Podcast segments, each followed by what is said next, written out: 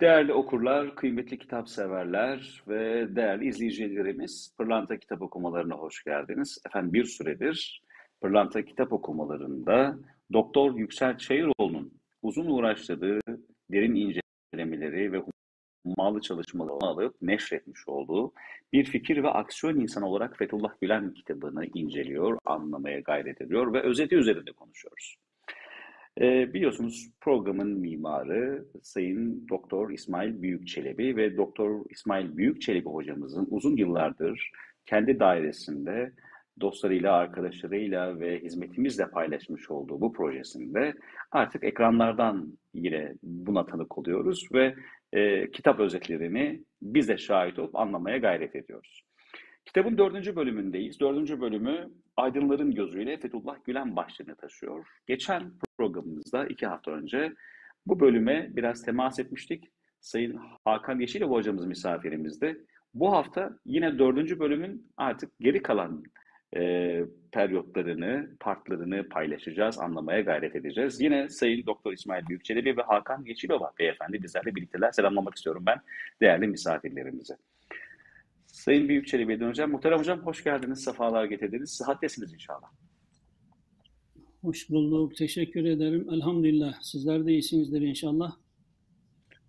Allah razı olsun hocam. Duacıyız sizlere. Hakan hocama döneceğim.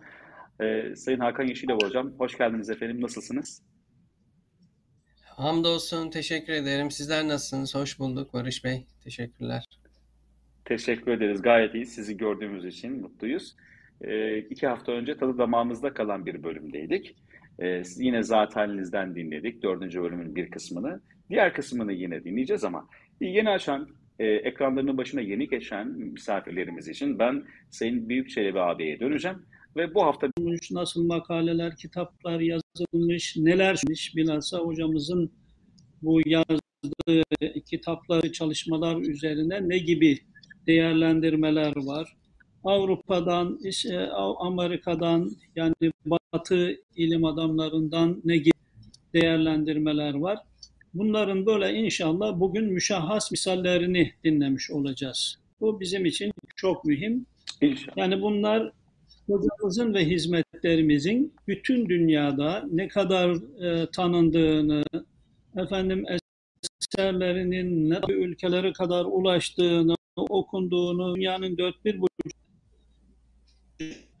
bizle alakalı yapılan çalışmaları böyle müşahhas görmek, dinlemek inşallah bizler için ayrı bir mutluluk ve hizmetimiz adına bize ayrı bir heyecan verecek inşallah. Ve ben sözü Hakan Bey'e bırakıyorum.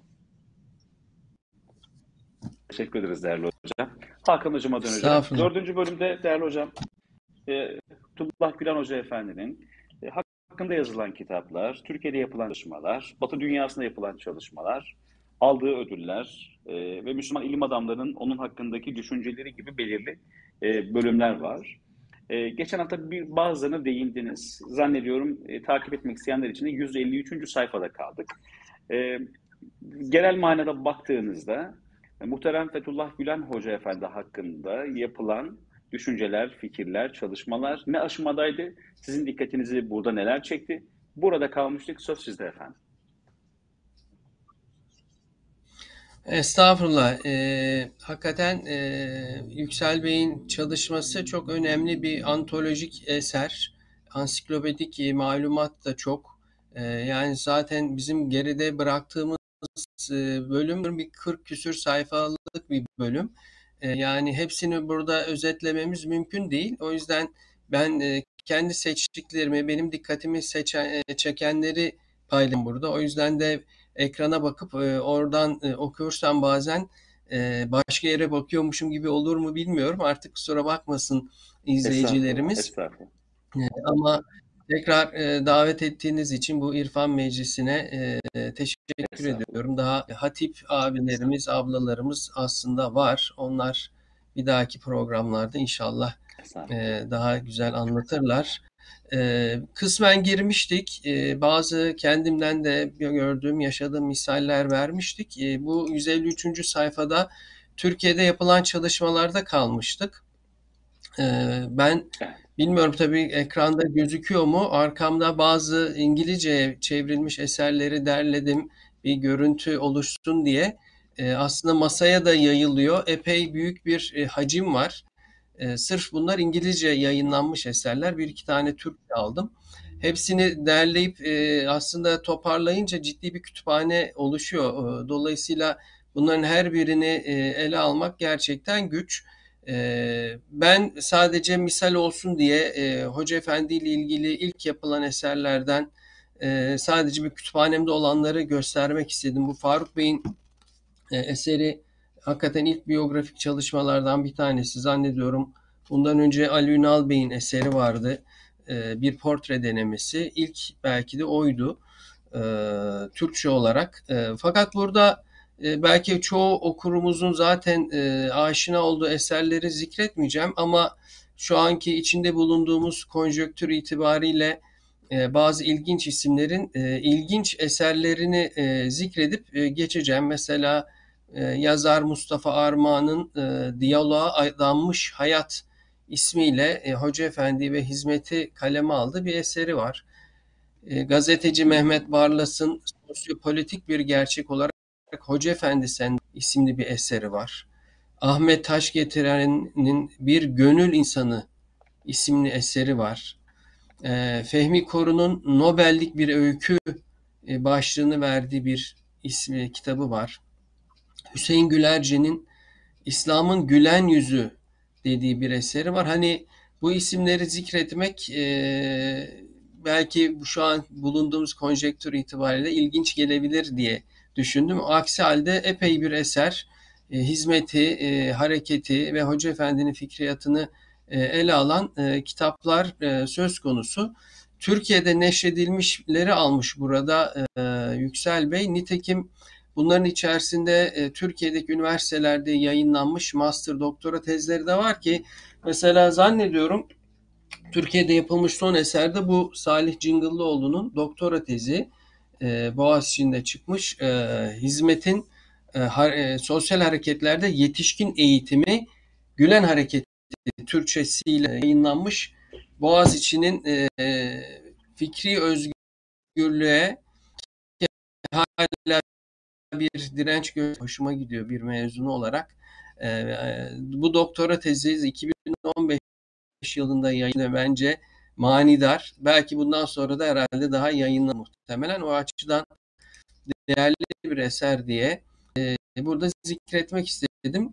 Arapça yapılan çalışmalar var bir sonraki bölümde. Tabii e, Hira dergimizin, Arapça yayınlanan Hira dergimizin öncülüğünde epey bir makale yayınlandı. Epey bir konferans e, tertip edildi. E, buradan bazılarını e, zikretmek belki müm- mümkün. Ferid El Ensari vardı. Allah rahmet etsin.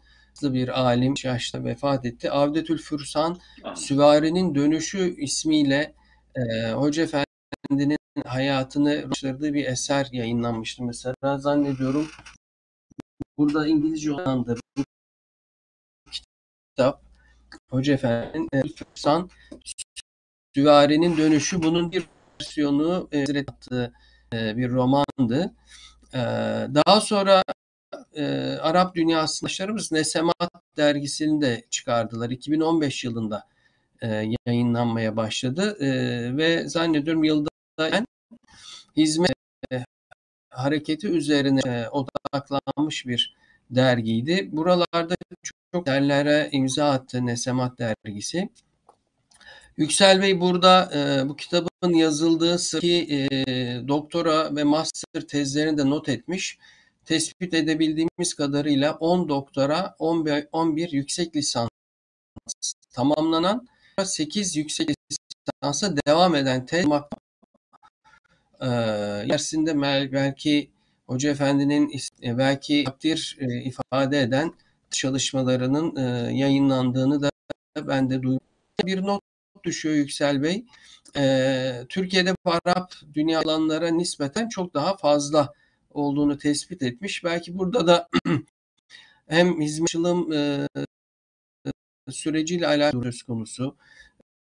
E, Batı dünyada akademisyen arkadaşımızın gayretleri, faaliyetlerinin tabii ki diğer e, özgürlüklerin daha kısıtlı olduğu ülkelere daha çok e, bulmasından demiş olabilir. Batı dünya hizmete dair eser verildiğini söylüyor. Nitekim işte masama koyduğum, arkaya koyduğum izleyici versin diye epey bir e, miktarı Batı dünyasında yayın eserler. E, bunlardan bazılarını e, misal olarak e, göstereceğim ama bence e, ben de yakine imkanı olduğu için bundan bahsetmeden geçmek istedim. ilk İngilizce biyografisi diyebileceğimiz bir eser. E, bir kendisi Lutheran din adamı ve e, akademisyen olan e, John kaleme aldı. Bir din altyapısı, bir inanç altyapısı çok mühim. E, John Paul hem bir akademik tarafıyla hem de e, din adamı misyonuyla zannediyorum Hoca Efendi'yi çok seküler perspektiften bakan insanlara göre daha iyi anladığını düşünüyorum. E, hayat hikayesini de işte Erzurum'dan başlayıp Edirne'ye, oradan İzmir'e, sonra İstanbul ve Amerika'ya uzanan çizgide e, güzel enstantaneleriyle ve kendisi yeniden oluşturarak zihninde hatta bir İzmir'deki bir talebe evindeki bir sohbeti kendince kafasını tasavvur ederek ama gerçeğe de o kadar yakın tasavvur ederek e, batılı okurlara e, çok iyi yaklaştıran bir eser diye düşünüyorum. Hatta batıda yetişmiş e, gençlerimize belki Türkçesi zayıf ve Türkiye coğrafyasını, konteksini bilmeyen gençlerimize bence iyi bir hizmete giriş eseri diye doğrusu düşünüyorum. E, bu arada tabii zikretmeden geçmemek lazım. Yani hizmetle ilgili ilk İngilizce eserlerden e, mesela e, Enes hocamızın kitabı vardı. E, Mehmet Enes Ergen'e. Geleneğin modern çağ tanıklığı. Bu da ilk tercüme edilen eserlerdendi. Bence hizmetin sosyal dinamiklerini anlatma e, açısından çok değerli bir eserdi. E, Muhammed Çetin Bey'in doktora tezi e, 2000 zannediyorum 10 yılında yayınlanmıştı. Bu da e, o yıllarda çıkan e, da biraz akademik ve ağır bir eser olmakla beraber e, bence e, işin e, temellerini çok iyi ortaya koyan bir eser. Bunları da o ilk yıllarda çıkan eserler olarak e, zikretmek istedim.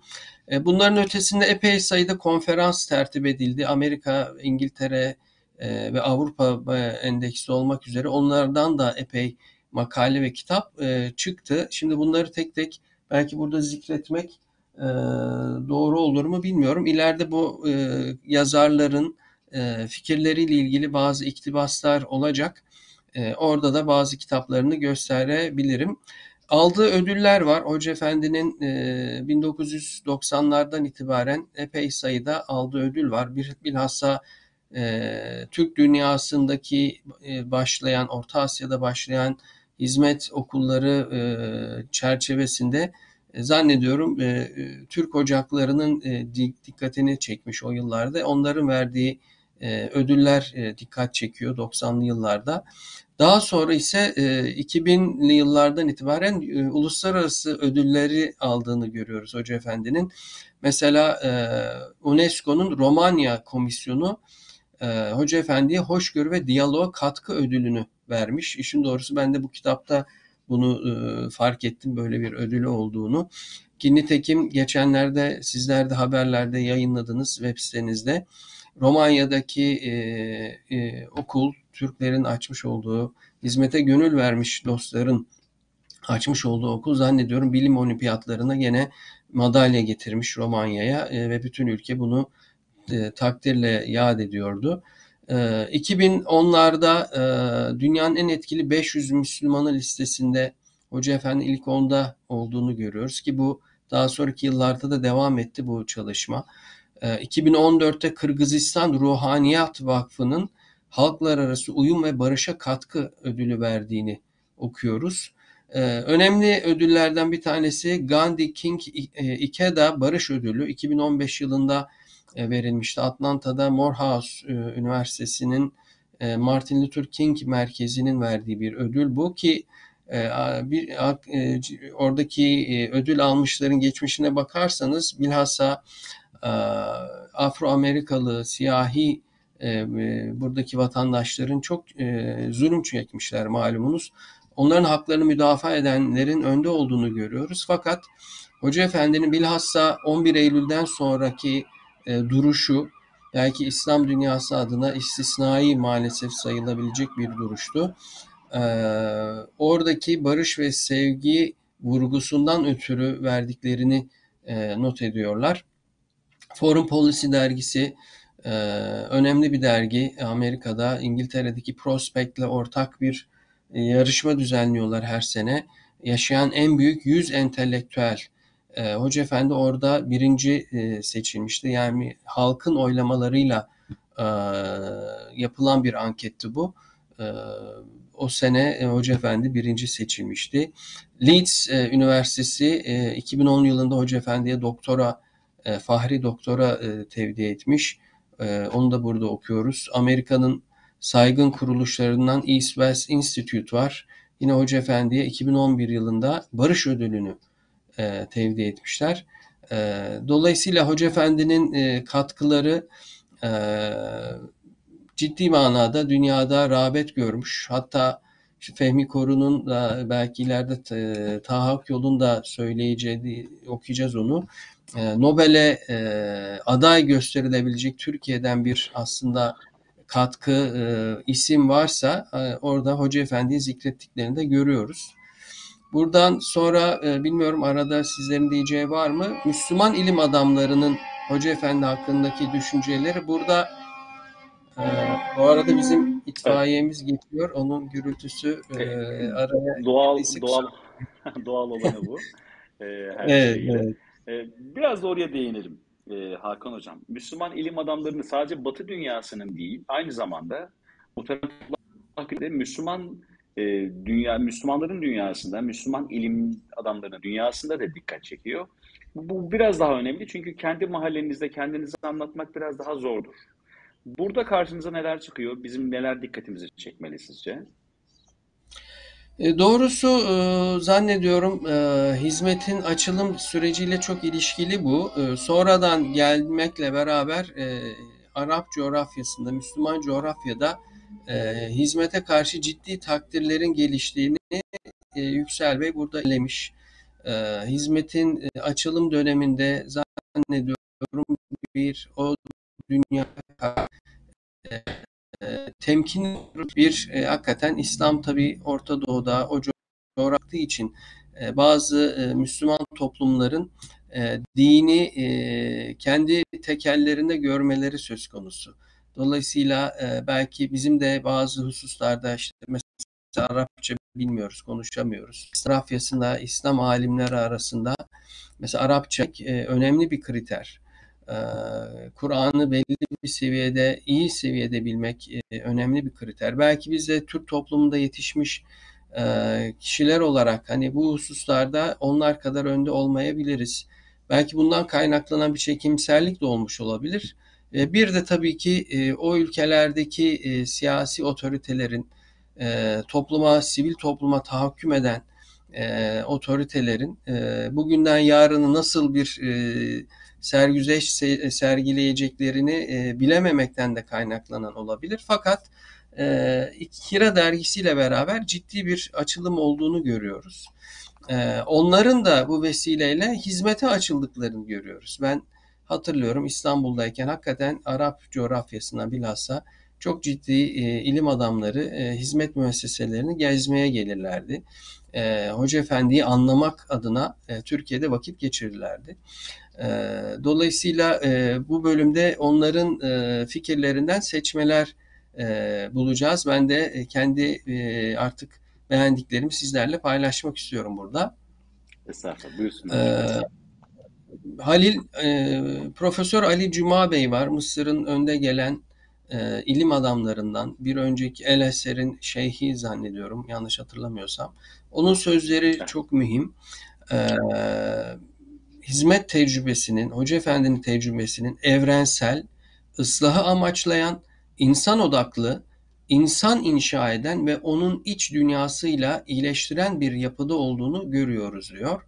Ee, buradan yola çıkarak örnek ve salih insanı karşımızda buluyoruz ee, diyor. Ee, burada e, ilginç bir tespiti var. yani hizmet nazari daireyi aşıyor, her şeyi ameli dairede seyrediyor. Yani teoride bırakmamış, onun ötesine daha çok tezahür ettirmiş e, fikriyatını hizmet. E, çünkü hakikaten hizmet bir taraftan tabii ki çok özgün, çok orijinal bize geliyor olmakla beraber kökleri itibariyle 1400 yıllık belki bir e, medeniyet anlayışından bahsediyoruz. Yani ve bunu sadece İslam coğrafyasında tabii ki Hoca Efendi ve hizmete gönül vermiş insanlar temsil etmiyor. E, ciddi manada e, başkaları da bu benzer bir vizyona sahip ancak e, toplumu e, bu manada mobilize edebilecek, onlara o ruhu verebilecek kapasiteden yoksunlar. Dolayısıyla Hoca Efendi'nin ve hizmetin belki farklılığı gönüllerindeki, zihinlerindekileri dış dünyaya e, aksettirden kaynaklanıyor. Ali Cuma gibiler de e, hizmetin e, fikriyatını uygulamaya koyabilmişten dolayı çok e, takdirlerini ifade ediyorlar.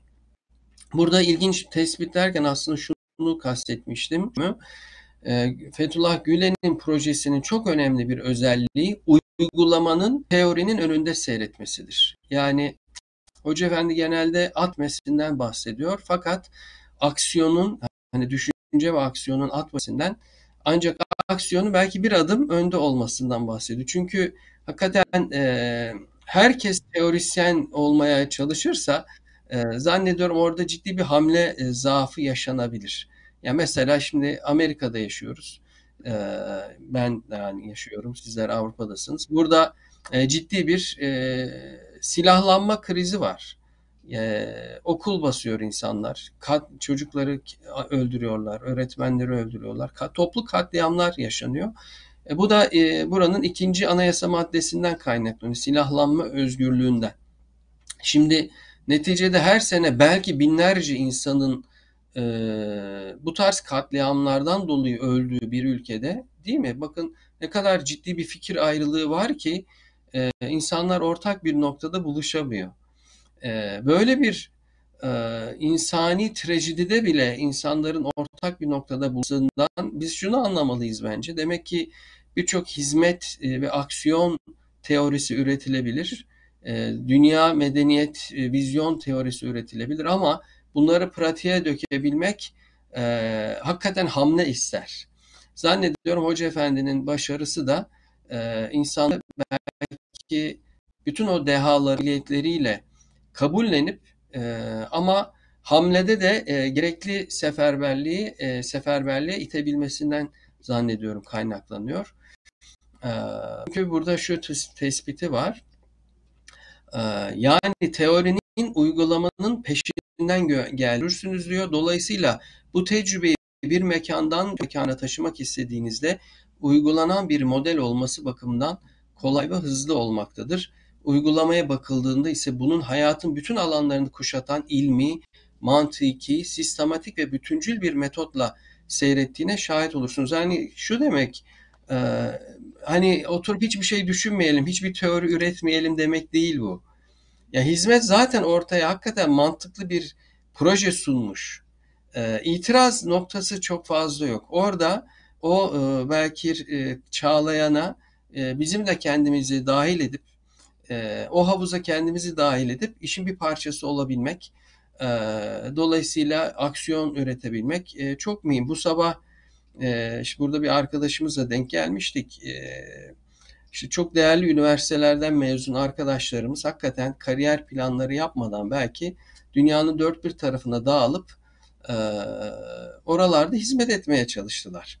Ama şimdi bakıyorsunuz kimisi hakikaten çok e, ilim meraklısı yani talebeyle ilgilenmesi gereken vakitte bakıyorsunuz kitap okuyor diyor arkadaş. E şimdi e, mesela burada o tefriki yapabilmek çok mühim. E, tabii ki kitap okumalıyız ama talebeyle ilgilenmek gerektiren e, yani aksiyon gerektiren e, bir durumda da onu yapmamız gerekir. E, dolayısıyla hizmetin hani bu kadar e, yayılmasında e, ve meyveler vermesinde arkadaşlarımızın e, kendilerini bu aksiyona e, adamış olmaları bence çok mühim diye düşünüyorum. E, hocam. Bu, Şimdi geçen buyurun. hafta ge, geçen programda Batı dünyası ile ilgili şöyle bir yorumunuz olmuştu. E, buradan yine bir Arap dünyasına geleceğim bu soruyla. E, Batı dünyası ilk defa Müslüman aleminden bir muhatapla karşılaştı. Sorularının, meraklarının, e, bu sadece Batı dünyası derken yanlış anlaşılmasın. Diğer dinler ve medeniyetlerle ilgili anlatıyorum bunu. Dolayısıyla bir muhatap buldular ve karşılarında cevap bulabilecekleri muhataptan dolayı da merak uyandırdı diyorsunuz Hoca Efendi'nin şahsiyeti. Peki e, Arap dünyası için aynı şeyi söylemek mümkün mü? Arap dünyası bu konuda nasıl değerlendirdi? Bunu sormamın sebebi şu. E, aramızda bu konuda en tecrübeli olan sizlersiniz. Onlarca, yüzlerce belki binlerce programlar gerçekleştirdiniz. Arap dünyasından birçok misafirleri ağırladınız. Onlarla e, iletişimde bulundunuz, temas ettiniz e, ve müşahede ettiniz bunu. O dünyada yani Müslüman fikir adamlarının dünyasında Muhterem Fethullah Gülen Hoca Efendi az önce Mısır'da mesela nasıl ön plana çıktığını gördük. Genel manada mesela Fas'ta bu nasıl, Libya'da nasıl, Suudi Arabistan'da nasıl, Suriye'de nasıl karşılanıyor, nasıl görülüyor? Sizin müşahede ettiğiniz durumlar neler? Spesifik bir örnek varsa onu rica edeceğim. Ya aslında e, bununla ilgili hani hizmetin dikkat çekmesiyle alakalı Ali Cuma e, sayfanın sonunda bir şey söylüyor aslında. E, yani bu e, Arap dünyasında e, modellenebilecek bir e, örnek diyor hizmet tecrübesi. Çünkü hizmet tecrübesi birçok engelle karşılaşmasına rağmen kolaylıkla bu engelleri aşabilme başarısını elde edebilmiş bir harekettir diyor. Bu tabii içinde yaşadığımız dönem den önce belki söylenmiş bir şey bu. E, ama e, şu an bulunduğumuz krizde Peki, bile belki mi? Şöyle ona da bağlayacaktım. E, zaten muhtemelen hizmetin kendi iç dinamikleri e, Hoca Efendi'nin e, koymuş olduğu prensipler e, olmasaydı zaten e, muhtemelen başka örnekler şu an mevcudiyetini sürdüremezlerdi. Fakat şu an bakıyorsunuz işte bir program yapıyoruz. Ee, Allah belki Türkiye'de şu an e, nadasa bıraktı belki ama başka coğrafyalarda e, başka imkanlar bir belki bir televizyon kapandı bakın e, onlarca kanal Allah nasip etti dönemin verdiği şeylerle imkanlarla hani ciddi bir diriliş şey görüyoruz fakat burada şunu da kabullenmemiz lazım yani biz belki sizlerle aynı jenerasyondayız biz hizmetin daha çok meyvedar zamanlarında daha az dersiz taraflarında yetişmiş. Belki de bulunduğumuz konumlar gereği hep e, güzel işlerde e, çalışmak zorunda kalmış. E, perde arkasında yaşanan mücadeleleri çok da e, görmemiş kişileriz. Ben en azından öyleyim. Dolayısıyla hizmetten belki hep nasipdar olmuş birisiyiz. Fakat Hoca Efendi, onun etrafındaki ilk dönem 60'lardan itibaren hep baskılanmışlar. fakat bunları çok dışarıya belki aksettiler. Bizlere aksetmemiş iş. Ya biz kendi imimizle, yayınlarımızla ilgilenme imkanı bulmuşuz. Belki ta 28 Şubat'a kadar. 28 Şubat'tan sonra da belki bir 15 yıl daha hakikaten neredeyse arızasız giden bir dönem. Zamanlarda bile Hoca Efendi yargılanmış yani belli davalardan dolayı ve e, çok ciddi iddialarla. Hani bakıyorsunuz Hoca Efendi rahat ettiği bir dönem yok.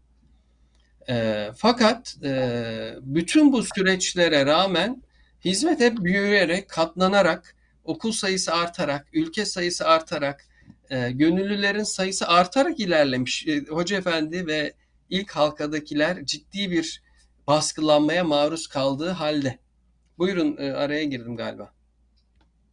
Yok hayır. Efendim, yani Ali, Ali Cuma gibilerin dikkat çektiği bu. Çünkü İslam coğrafyasında e, birazcık dini, dini duyarlılık göstermeye çalışan gruplar e, çok otokratik yönetimler tarafından ciddi baskılanmışlar. E, ve e, hakikaten başlarını kaldırmaya fırsat vermemişler. Şimdi Hoca Efendi'nin hizmetin sunduğu yöntem hani bu çatışmadan uzak, e, hukuka bağlı kararak, kimseyi rahatsız etmeden, kimsenin tavuğuna kış demeden kendi işine odaklanarak yani. Ben sızıntı kelimesini o yüzden severim. Sızıntı e, şudur e, hani e, akar bir dağdan çıkan bir kaynak suyudur o. E, aşağı doğru e, yolunu muhakkak bulur yani. Etra- önüne taş çıksa etrafından geçer. etrafından geçemeyecek gibi ise altından geçer ama sızar gider o yolunu bulur ama ne oradaki taşı ne çakılı rahatsız etmez gideceği istikamete gider. Hizmet hep bunu e, başarmış olduğu için e, Arap dünyasında aslında ciddi bir alaka onlar keşfettikten sonra ciddi bir alaka e, göstermiş. Bakın bu Robert Papik şu an çıkardığınız ekrana. Çok önemli bir Evet. profesör. E, dünyada e, terörizm uzmanı, dünyadaki ilk birkaç isimden birisidir yani. İntihar saldırıları uzmanı yani. E, hizmetin katkılarını takdir babında, e, hizmetin yaklaşımları takdir babında e, çok değerli şeyler söyledi. E, dünyada hani bu da dikkat çekiyor. Çünkü aciz kalan bir Müslüman toplum düşünün. Baskılanmış. E, yol yöntem de bilmiyor. Ve nefretle dolmuş yani yılların e, baskılarından adam intihar ediyor yani. Ederken başkalarını da öldürüyor. Bütün hayat felsefesi bu olmuş. Şimdi hizmetin bütün bu e, kaotik ortamdan gençleri çıkartıp bir ideale yönlendirmesi ve bunu da şiddetten uzak yapabilmesi e, tabii ki insaflı Arap ulemasının dikkatini e, çekmiş e, diye görüyorum şu an e, okuduğumuz e, kitapta da bu anlaşılıyor. E, Profesör Fuat El-Benna var. yani onun da sözleri çok hoş. Fethullah Gülen Allah'ın lütfettiği bir fetih ve muasır İslam düşüncesi içinde apaçık bir inayeti ilahidir. E, çünkü o harikaları tükenmeyen Kur'an'ın bir eseridir. Evet Gülen Kur'an'ın mucizin birisidir e, diyor. E, Gülen 70 yıllardan itibaren Türkiye'nin üzerine bir yıldız gibi parlamış, üzerine doğduğu insanları aydınlatmış, yakmamış, nurlandırmış, karartmamış, ışıklandırmış, zarar vermemiş, birleştirmiş, parçalamamış, bir araya toplamış, dağıtmamıştır. Şu an Türkiye'deki propagandanın ne kadar da tersi ve tabii ki hakikatli olan söylem e, yani biraz da gönül insanı olanların e, Arap dünyasında fark ettiği bir şey. E, Fuat Elbenna şunu da söylüyor. Onun Arapçaya çevrilen kitaplarını okuduktan, farklı hizmet müesseselerini ziyaret ettikten, yapılan hizmetleri bizzat müşahede ettikten ve Gülen hakkında düzenlenen çok sayıda toplantı sempozyuma katıldıktan sonra onun bu asırda ve özellikle de 3. bin yılın başında Türkiye'nin yetiştirdiği bir müceddit olduğunu söyleyebilirim. Şimdi Hoca Efendi eserleri ve hizmet müesseselerini ziyaret ettikten sonra diyor da zannediyorum e, tabii kitap e, ya da bir makalesi yayınlanmadı ama e, Hintli bir e, alim zat vardı Allah rahmet etsin geçen sene içerisinde vefat etti. Çok insaflı, ehli kalp bir insan. Hakikaten Efendimiz'e de e, Kur'an'la, Kerim'le de alakalı epey eserler vermiş. E, bu zat e, zannediyorum 6-7 yıl evvel Türkiye'yi ziyaret ettiğinde hizmet müesseselerini görmek için geliyor. Ve orada hakikaten bazı okullarımızı, müesseselerimizi gezdikten sonra şunu diyor, İslam'a hizmet böyle yapılır işte diyor. Şimdi hani burada bazen şu e, olabiliyor, e, biz kendi kendimizi sorgulamada acaba çok mu lükse gittik, okullarımız şöyle mi oldu, böyle mi oldu gibi e, bazen e, kendi kendimiz tenkitler, hani bunların haklı payları da olabilir. E, çünkü e, artık o mimarisini düşünen mimarın kendi zevki var. E, oraya e, destek olan e, belki ailenin kendince bir dünya anlayışı da var. Tabii ki bunlar da aksetmiş olabilir ama esas kastettiği İslam'ın nezahetinin, e, irfanının hani laboratuvarlarıyla, temizliğiyle, efendim bütün bir e, dış cephesinin de e, göze hoş gelen e, gelmesiyle İslam'ı bu şekilde temsil etmenin önemine vurgu yapıyordu. Zannediyorum İslam dünyasındaki alimlerin hizmete karşı sempatisinde okullarımızın hani böyle çok köhne bir medrese olmadığını görmeleri açısından hem pozitif bilimlerle efendim ahlakı birleştiren nezih ortamlar olmasının da bence bir katkısı vardı. Sanki Fuat Elbenna e, buna vurgu yapıyor diye düşünüyorum. E, burada e, Muhammed Şekip Bey var. Ona da tanışmak nasip olmuştu. Ee, Hira'daki arkadaşlarımızın tabii ki vesilesiyle. Kesbi ve vehbi bütün mevhibelerini içine alması yönü, yönüyle Hoca Efendi'ye çağın hakimi de denilebilir e, diye bir e, ilginç bir tespiti vardı. E, Profesör Abdülmecit Buşepke'nin e, yorumu da çok hoş. Hoca Efendi'nin hayatına ve onun kitaplarına muttali olan bir insan ihlas, sıdk, zühd, infak, topluma hizmet etme, insana şümüllü bakabilme, yaratana iman, mahlukata şefkat, dünyanın dört bir yanındaki insanların sıkıntılarını hafifletmeye çalışma gibi birçok mümtaz vasfın onda tecessüm ettiğini görecektir demiş. Bu da hoşuma gitmişti doğrusu. Şimdi Muhammed, Profesör Muhammed Kemal İmam diye bir zat var. Ben tanışmadım kendisiyle ama Mısır'da İskenderiye Üniversitesi öğretmeni. Zaten buradaki Arap ulemanın birçoğuyla tanışmış değilim. Ee, daha çok yine Arap dünyasındaki arkadaşlarımızın tanıklıkları, e, koordinasyonlarıyla tanışılmış e, zatlar bunlar. Şunu söylüyor, Hoca Efendi'nin makasidi vizyona ve makasidi yönelişe sahip olduğunu görme imkanı buldum diyor onun eserlerinden. Şimdi bu önemli bir e, husus. Biz e, İslam'da e, makasudu şeria denilen e, husus e, beş tane madde e, sayılıyor. İmam Şatibi'ye zannediyorum e, irca edilen bir e, anlayış. Yani İslam'daki her husus aslında e, beş hususu e, korumaya e, muttali e, tespit edilmiştir e, deniyor. İşte insanın hayatı, efendim aklı, dini, inancı, e, ailenin koruması efendim ve mal hakkının e, muhafazası e, bu beş şey üzerine tesis edilmiştir diyor İslam her husus. E, zannediyorum bu e, imam da bu noktaya parmak basıyor. E, Hoca Efendi'nin de dünyaya sunduğu hizmetlerde e, yani esas o düşüncesinin perspektifini bu beş hususu temellendirerek aldığını herhalde ifade ediyor. Ee, buraya zannediyorum son dönemlerde Hoca Efendi'nin altıncı bir korunması gereken hak olarak ifade ettiği bir de hürriyet anlayışı var. Belki bütün bu beş maddeyle beraber zikretmek lazım hürriyeti. Çünkü insan gerçek manada hür olmadı mı e, imanı da tam manasında olmuyor malumunuz. Yaşayamaz, Gerçek manada hür olmadı mı. Evet.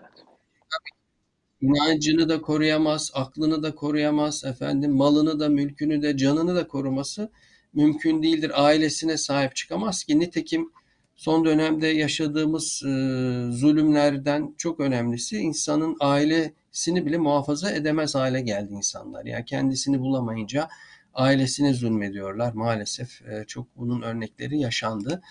E, burada yine Muhammed e, İmam İmam'ın e, Profesör İmam'ın e, önemli bir tespiti. E, Hoca Efendi'nin metodunda en önemli özellik akaid ile fıkhın bir bütün olarak ele alınmasıdır. Yani onda bütüncül bir bakış açısı vardır. Bu da bence önemli. Hani bazı fıkhi tespitler, hükümler bakıyorsunuz. Bazı Müslüman toplumlarda çok ciddi yaşanıyor. Fakat bunu yaşarken e, niçin onu yapması gerektiği hususun, hususunda e, ya da bunun itikada bakan, akaide bakan tarafından çok mahrum, e, habersiz toplumlar olduğunu, biraz taklidi imanla yaptıklarını görüyorsunuz. Fakat e, bu e, zata göre Hoca Efendi'nin tespitleri, yaşam tarzından e, tamamı e, akaidle çok alakalı olmayan tahkiki bir imanla alakalı denilebilir.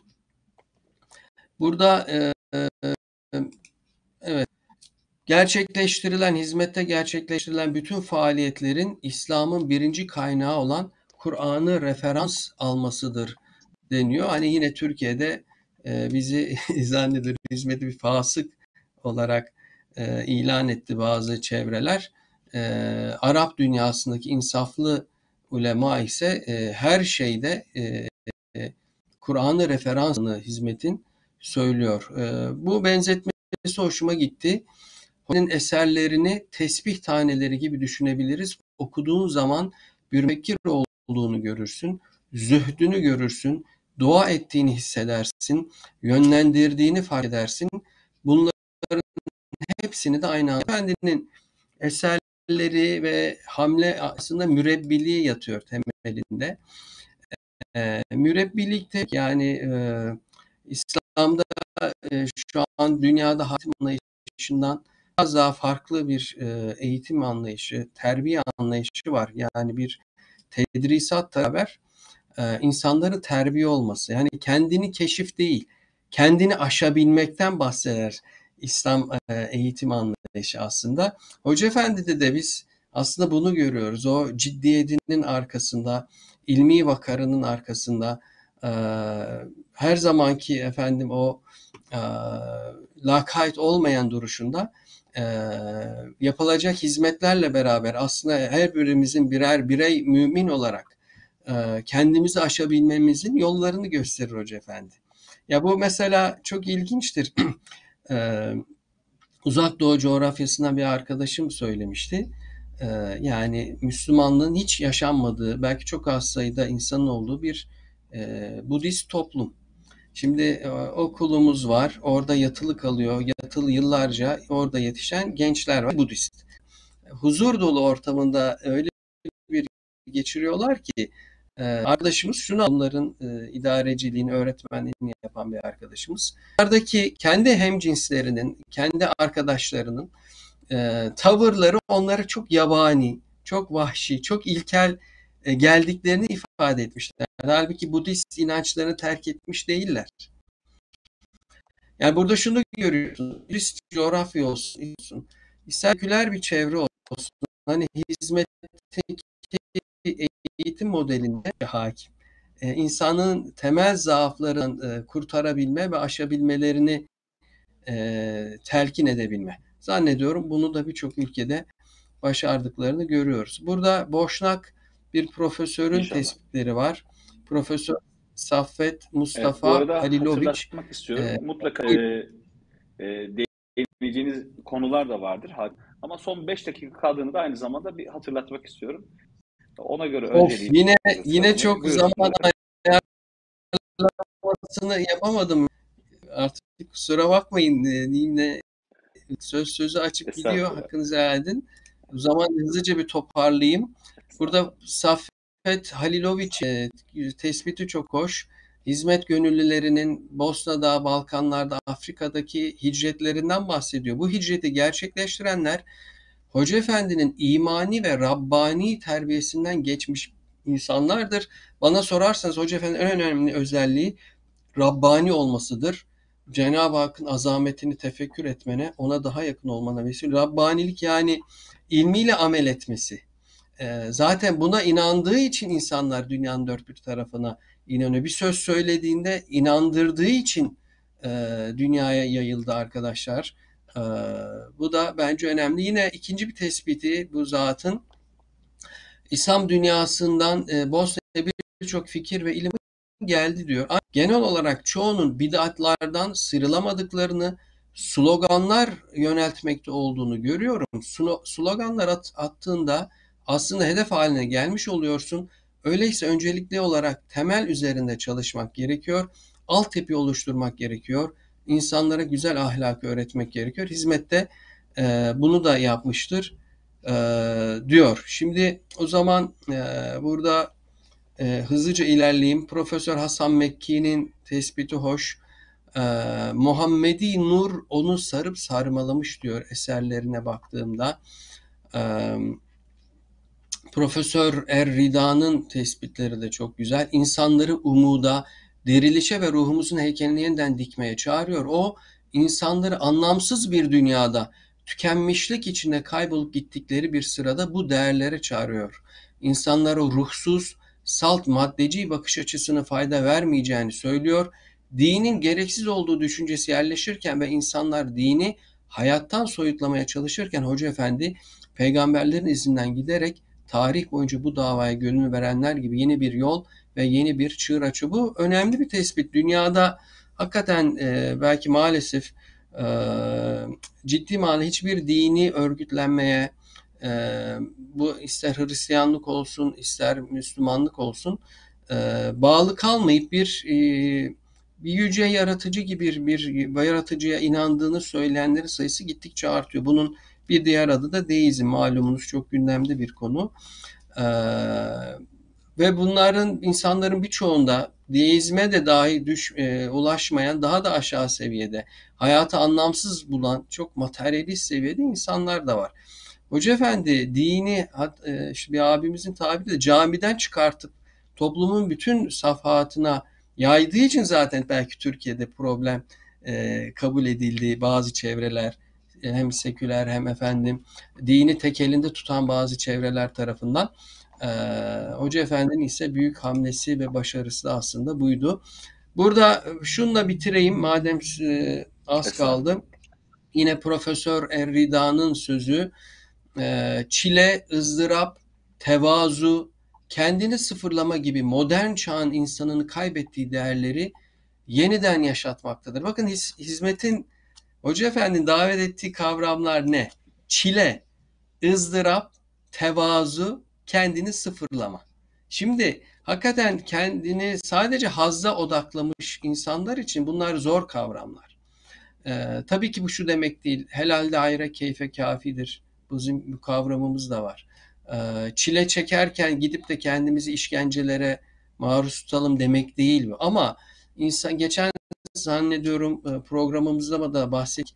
E, hakikaten insanlığın problemlerinin çözümü için, kendi problemlerimizin çözümü için birazcık çile çekme, e, herkesin enaniyetle, kibirle e, kavrulduğu bir çağda birazcık tevazu e, ve birazcık kendimizi sıfırlama bence çok önemli davetler ve e, insanlığın bar, huzura ermesi için de en önemli kriterler diye düşünüyorum. E, burada e, bırakayım madem. E, yani yine böyle ki e, bazı şeyleri yetiştiremedik. Artık onları da okurlarımızın kendi irfanlarına havale edelim. Teşekkür ediyorum. Çok teşekkür ederiz. Hakan Yeşilova hocamıza çok teşekkür ediyoruz. Değerli katılımlarınızdan dolayı. Küçük bir hatırlatmada bulunmak istiyorum aynı zamanda. Bugün interaktif ortamda internetle ilgili küçük sıkıntılar yaşadık. Yer yer böyle siz fark etmediniz yayındayken. Ben daha çok onu takip ediyordum. Ara ara kesintiler oldu. Ee, inşallah yayının bütüncül tarafına yansımamıştır bu. Çünkü e, programımız tamamladıktan sonra bu canlı bir program. E, umarım e, tam manasıyla istifade etmek isteyenler için bir sorun teşkil etmiyordur. Şimdi e, YouTube üzerinden gelen sorular var. E, bunlardan bir tanesi çok dikkatimi çekti. Neden İsmail Büyükçelebi ağabeye söz vermediniz diye programı takip eden izleyenlerimiz olabiliyor. Hemen küçük bir açıklama yapayım. Program İsmail Büyükçelebi ağabeyimizin programı ve onun projesi. Yıllardır devam eden bir program bu. E, artık bir süredir televizyona yani YouTube'a ve diğer mecralara taşındı. E, İsmail Büyükçelebi ağabeyimizin işaret ettiği misafirlerimiz e, bahsettiği bölümlerle ilgili çalışmaları yapıp kendi alanında uzman olan beyefendiler ve hanımefendiler konunun özetini bizlerle paylaşıyorlar. Ve biz de deyim yerindeyse bir stajyer gibi İsmail Büyükçelebi abimize yaptığımız özetleri sunmaya çalışıyoruz programda. Gelen misafirlerimiz ve bendeniz de bu konuda yapmak istediğimiz şey bu eşlik etme. Ama normalde nezaret ettiğimiz durum İsmail Büyükçelebi ağabeye biz nezaret ediyoruz programda. Bunun açıklamasını böylece yapmış olduğumu düşünüyorum. Ve değerli abime döneceğim İsmail Büyükçelebi beyefendiye. Değerli hocam, e, Hakan Yeşilova hocam geçen hafta ve bu hafta e, dördüncü bölüm olan Aydınların Gözüyle Fethullah Gülen Hoca Efendi bölümünde e, çok ilginç konulara temas etti. Bir de tabii bizzat hayatın içinde kendisi bunları müşahede ettiği, gördüğü, tanıdığı için birçok ismi e, karşımıza şöyle bir resim çıkıyor. E, Batı dünyasında muhterem Fethullah Gülen Hoca Efendi çok dikkat çekmiş. E, Yarımadası'nda, Arap dünyasında yine dikkat çekmiş ve farklı medeniyetlerde bu aynı heyecanı duymuşlar muhterem Fethullah Gülen Hoca Efendi'ye. Şimdi beni bağışlayın dışarıdan bir göz olarak Türkiye'de binlerce, on binlerce vaiz olabilir. Ee, onlardan birisi olarak Türkiye'de şu an ifade ediliyor olabilir muhterem Fethullah Gülen Hoca Efendi.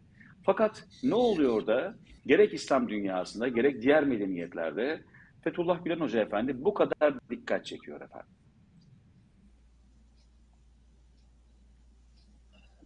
Değerli izleyen kardeşlerim, beyler ve hanımefendiler,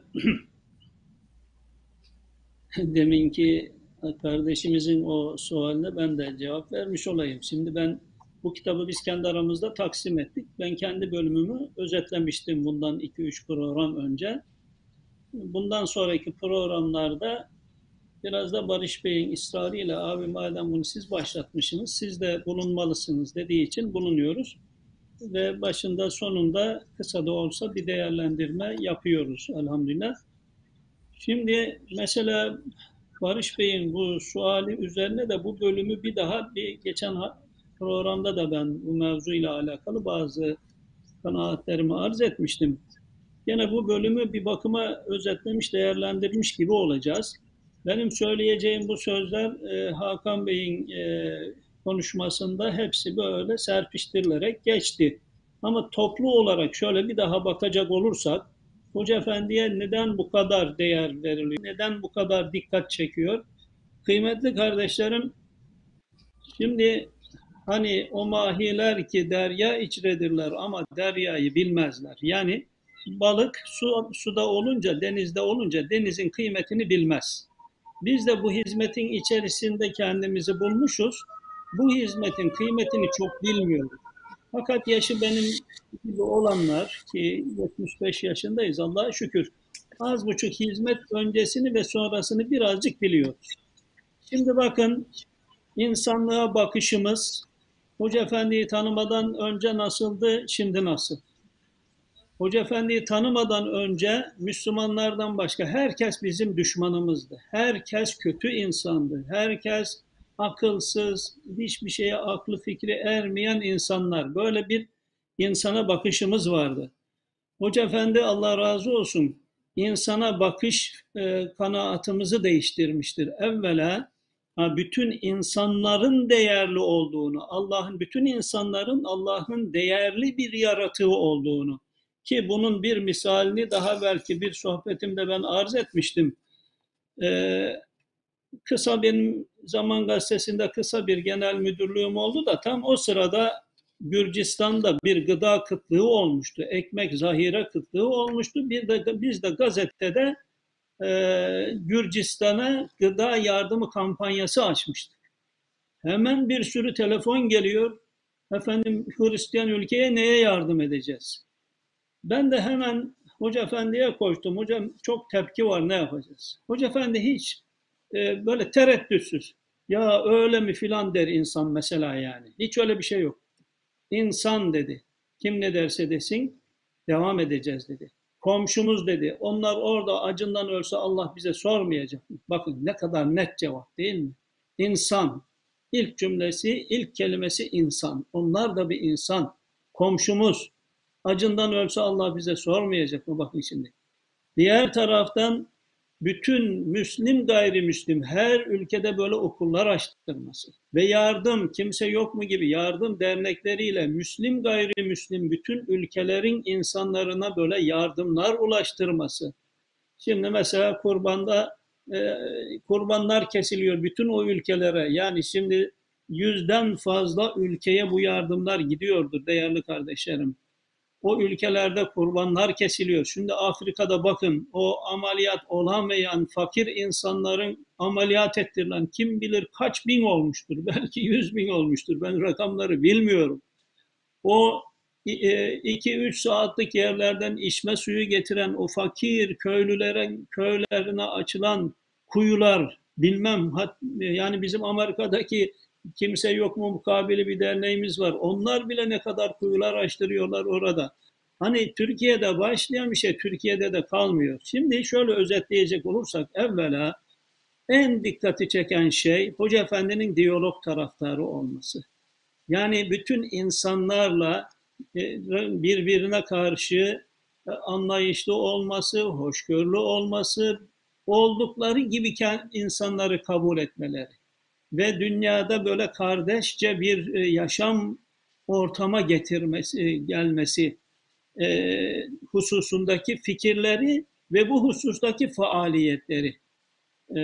bunlar insanların aslımızda özlediği şeyler. İnsanlık düşmanlıktan artık bıkmış, harpten bıkmış, artık kardeşlik istiyor, anlayış istiyor, beraber yaşamak istiyor Ve Hoca Efendi de bunun yollarını gösteriyor ve fiilen de bunun nasıl olduğunu da gösteriyor Allah'ın izniyle, inayetiyle. Diğer taraftan kıymetli kardeşlerim, Hoca Efendi'nin eğitime verdiği önem ve bu eğitimde de dini ilimlerle beraber pozitif ilimleri de hatta pozitif ilimler için yapılan çalışmalar daha fazladır yani bildiğiniz gibi hani dini mektep kaç tane açılmış İmam Hatip gibi dünya çapında efendim ortaokullar, liseler, üniversiteler kaç tane açılmış yani o İmam Hatip misali açılan okulların en az 10 misli diğer okullar açılmış. Binaenaleyh bunu birleştirmesi. Şimdi diğer gezdiğimiz ülkelerde Müslümanların faaliyetlerine baktığımız zaman eğitim deyince medrese. Medrese. Mesela buralarda İslamik School. Burada takılıp kalıyor Müslümanlar. Halbuki e, İslam'ın farz-ı kifaye kıldığı ilimler sadece dini ilimler değil. İnsan için lüzumlu olan matematiktir, fizik, efendim, tıptır, bütün lüzumlu ilimler farz-ı kifayedir. Bak bunları Hoca Efendi de zaman zaman hep bunları vurguluyor. Ben bunları kafamdan çıkarmıyorum diyor. Hoşgörüyü ben kafamdan çıkarmadım. Dinimizin özünde vardır. Efendim pozitif ilimlere değer verme meselesi ben bunu kafamdan çıkarmadım. Bu bizim dinimizin özünde vardır. Yani çoğu Müslümanların hayata geçiremedikleri şeyleri Hoca Efendi hayata geçirmiş oluyor. Ve cesareti kıymetli kardeşlerim. Şimdi bakın Hoca Efendi'nin bir teröristlikle alakalı söylediği bir söz. Bir terörist, Müslüman, bir Müslüman terör olamaz. Demokrasi hakkında, demokrasiden dönüş yok. En efendim gelişmiş sistem demokrasidir. Bunları belki ilk defa, belki değil, bunları ilk defa söyleyen Hoca. Ve bunları söylerken kimler? Hoca Efendi hiç bunları da düşünmüyor. Yani cesareti, Hoca Efendi'nin cesareti. Diğer taraftan kıymetli kardeşlerim, Hoca Efendi'nin tavsiyelerini bizatihi hayata geçirmesi. Şimdi nazari olarak herkes ister ki böyle yardım vakıfları kurulsun, fakir talebelerin elinden tutulsun, fakir talebelere burslar verilsin, fakir talebeler için işte yurtlar açılsın, okullar açılsın. Ama var mıydı bunlar? Var mıydı? Hoca Efendi'nin talebelik dönemini dinledik hepimiz değil mi? İki üç talebe bir caminin bir odasında kalıyor. Kendisi ısıtmaya çalışıyor. Kendisi ekmek bulursa yiyor, bulamazsa aç kalıyor. Erzurum gibi dindar bir şehirde, Solakzade gibi nice orada bu büyük bulunduğu bir şehir. Efendim bir tane dernek kurulamaz mı? Bir vakıf kurulamaz mı? Bir yurt açılamaz mı? Orada 50 tane 100 tane talebenin geçimi sağlanamaz mı? Ha bunların olabildiğini Hoca Efendi daha sonra Erzurum gibi büyük bir şehir değil. Küçük küçük kazalarda bile bu yurtların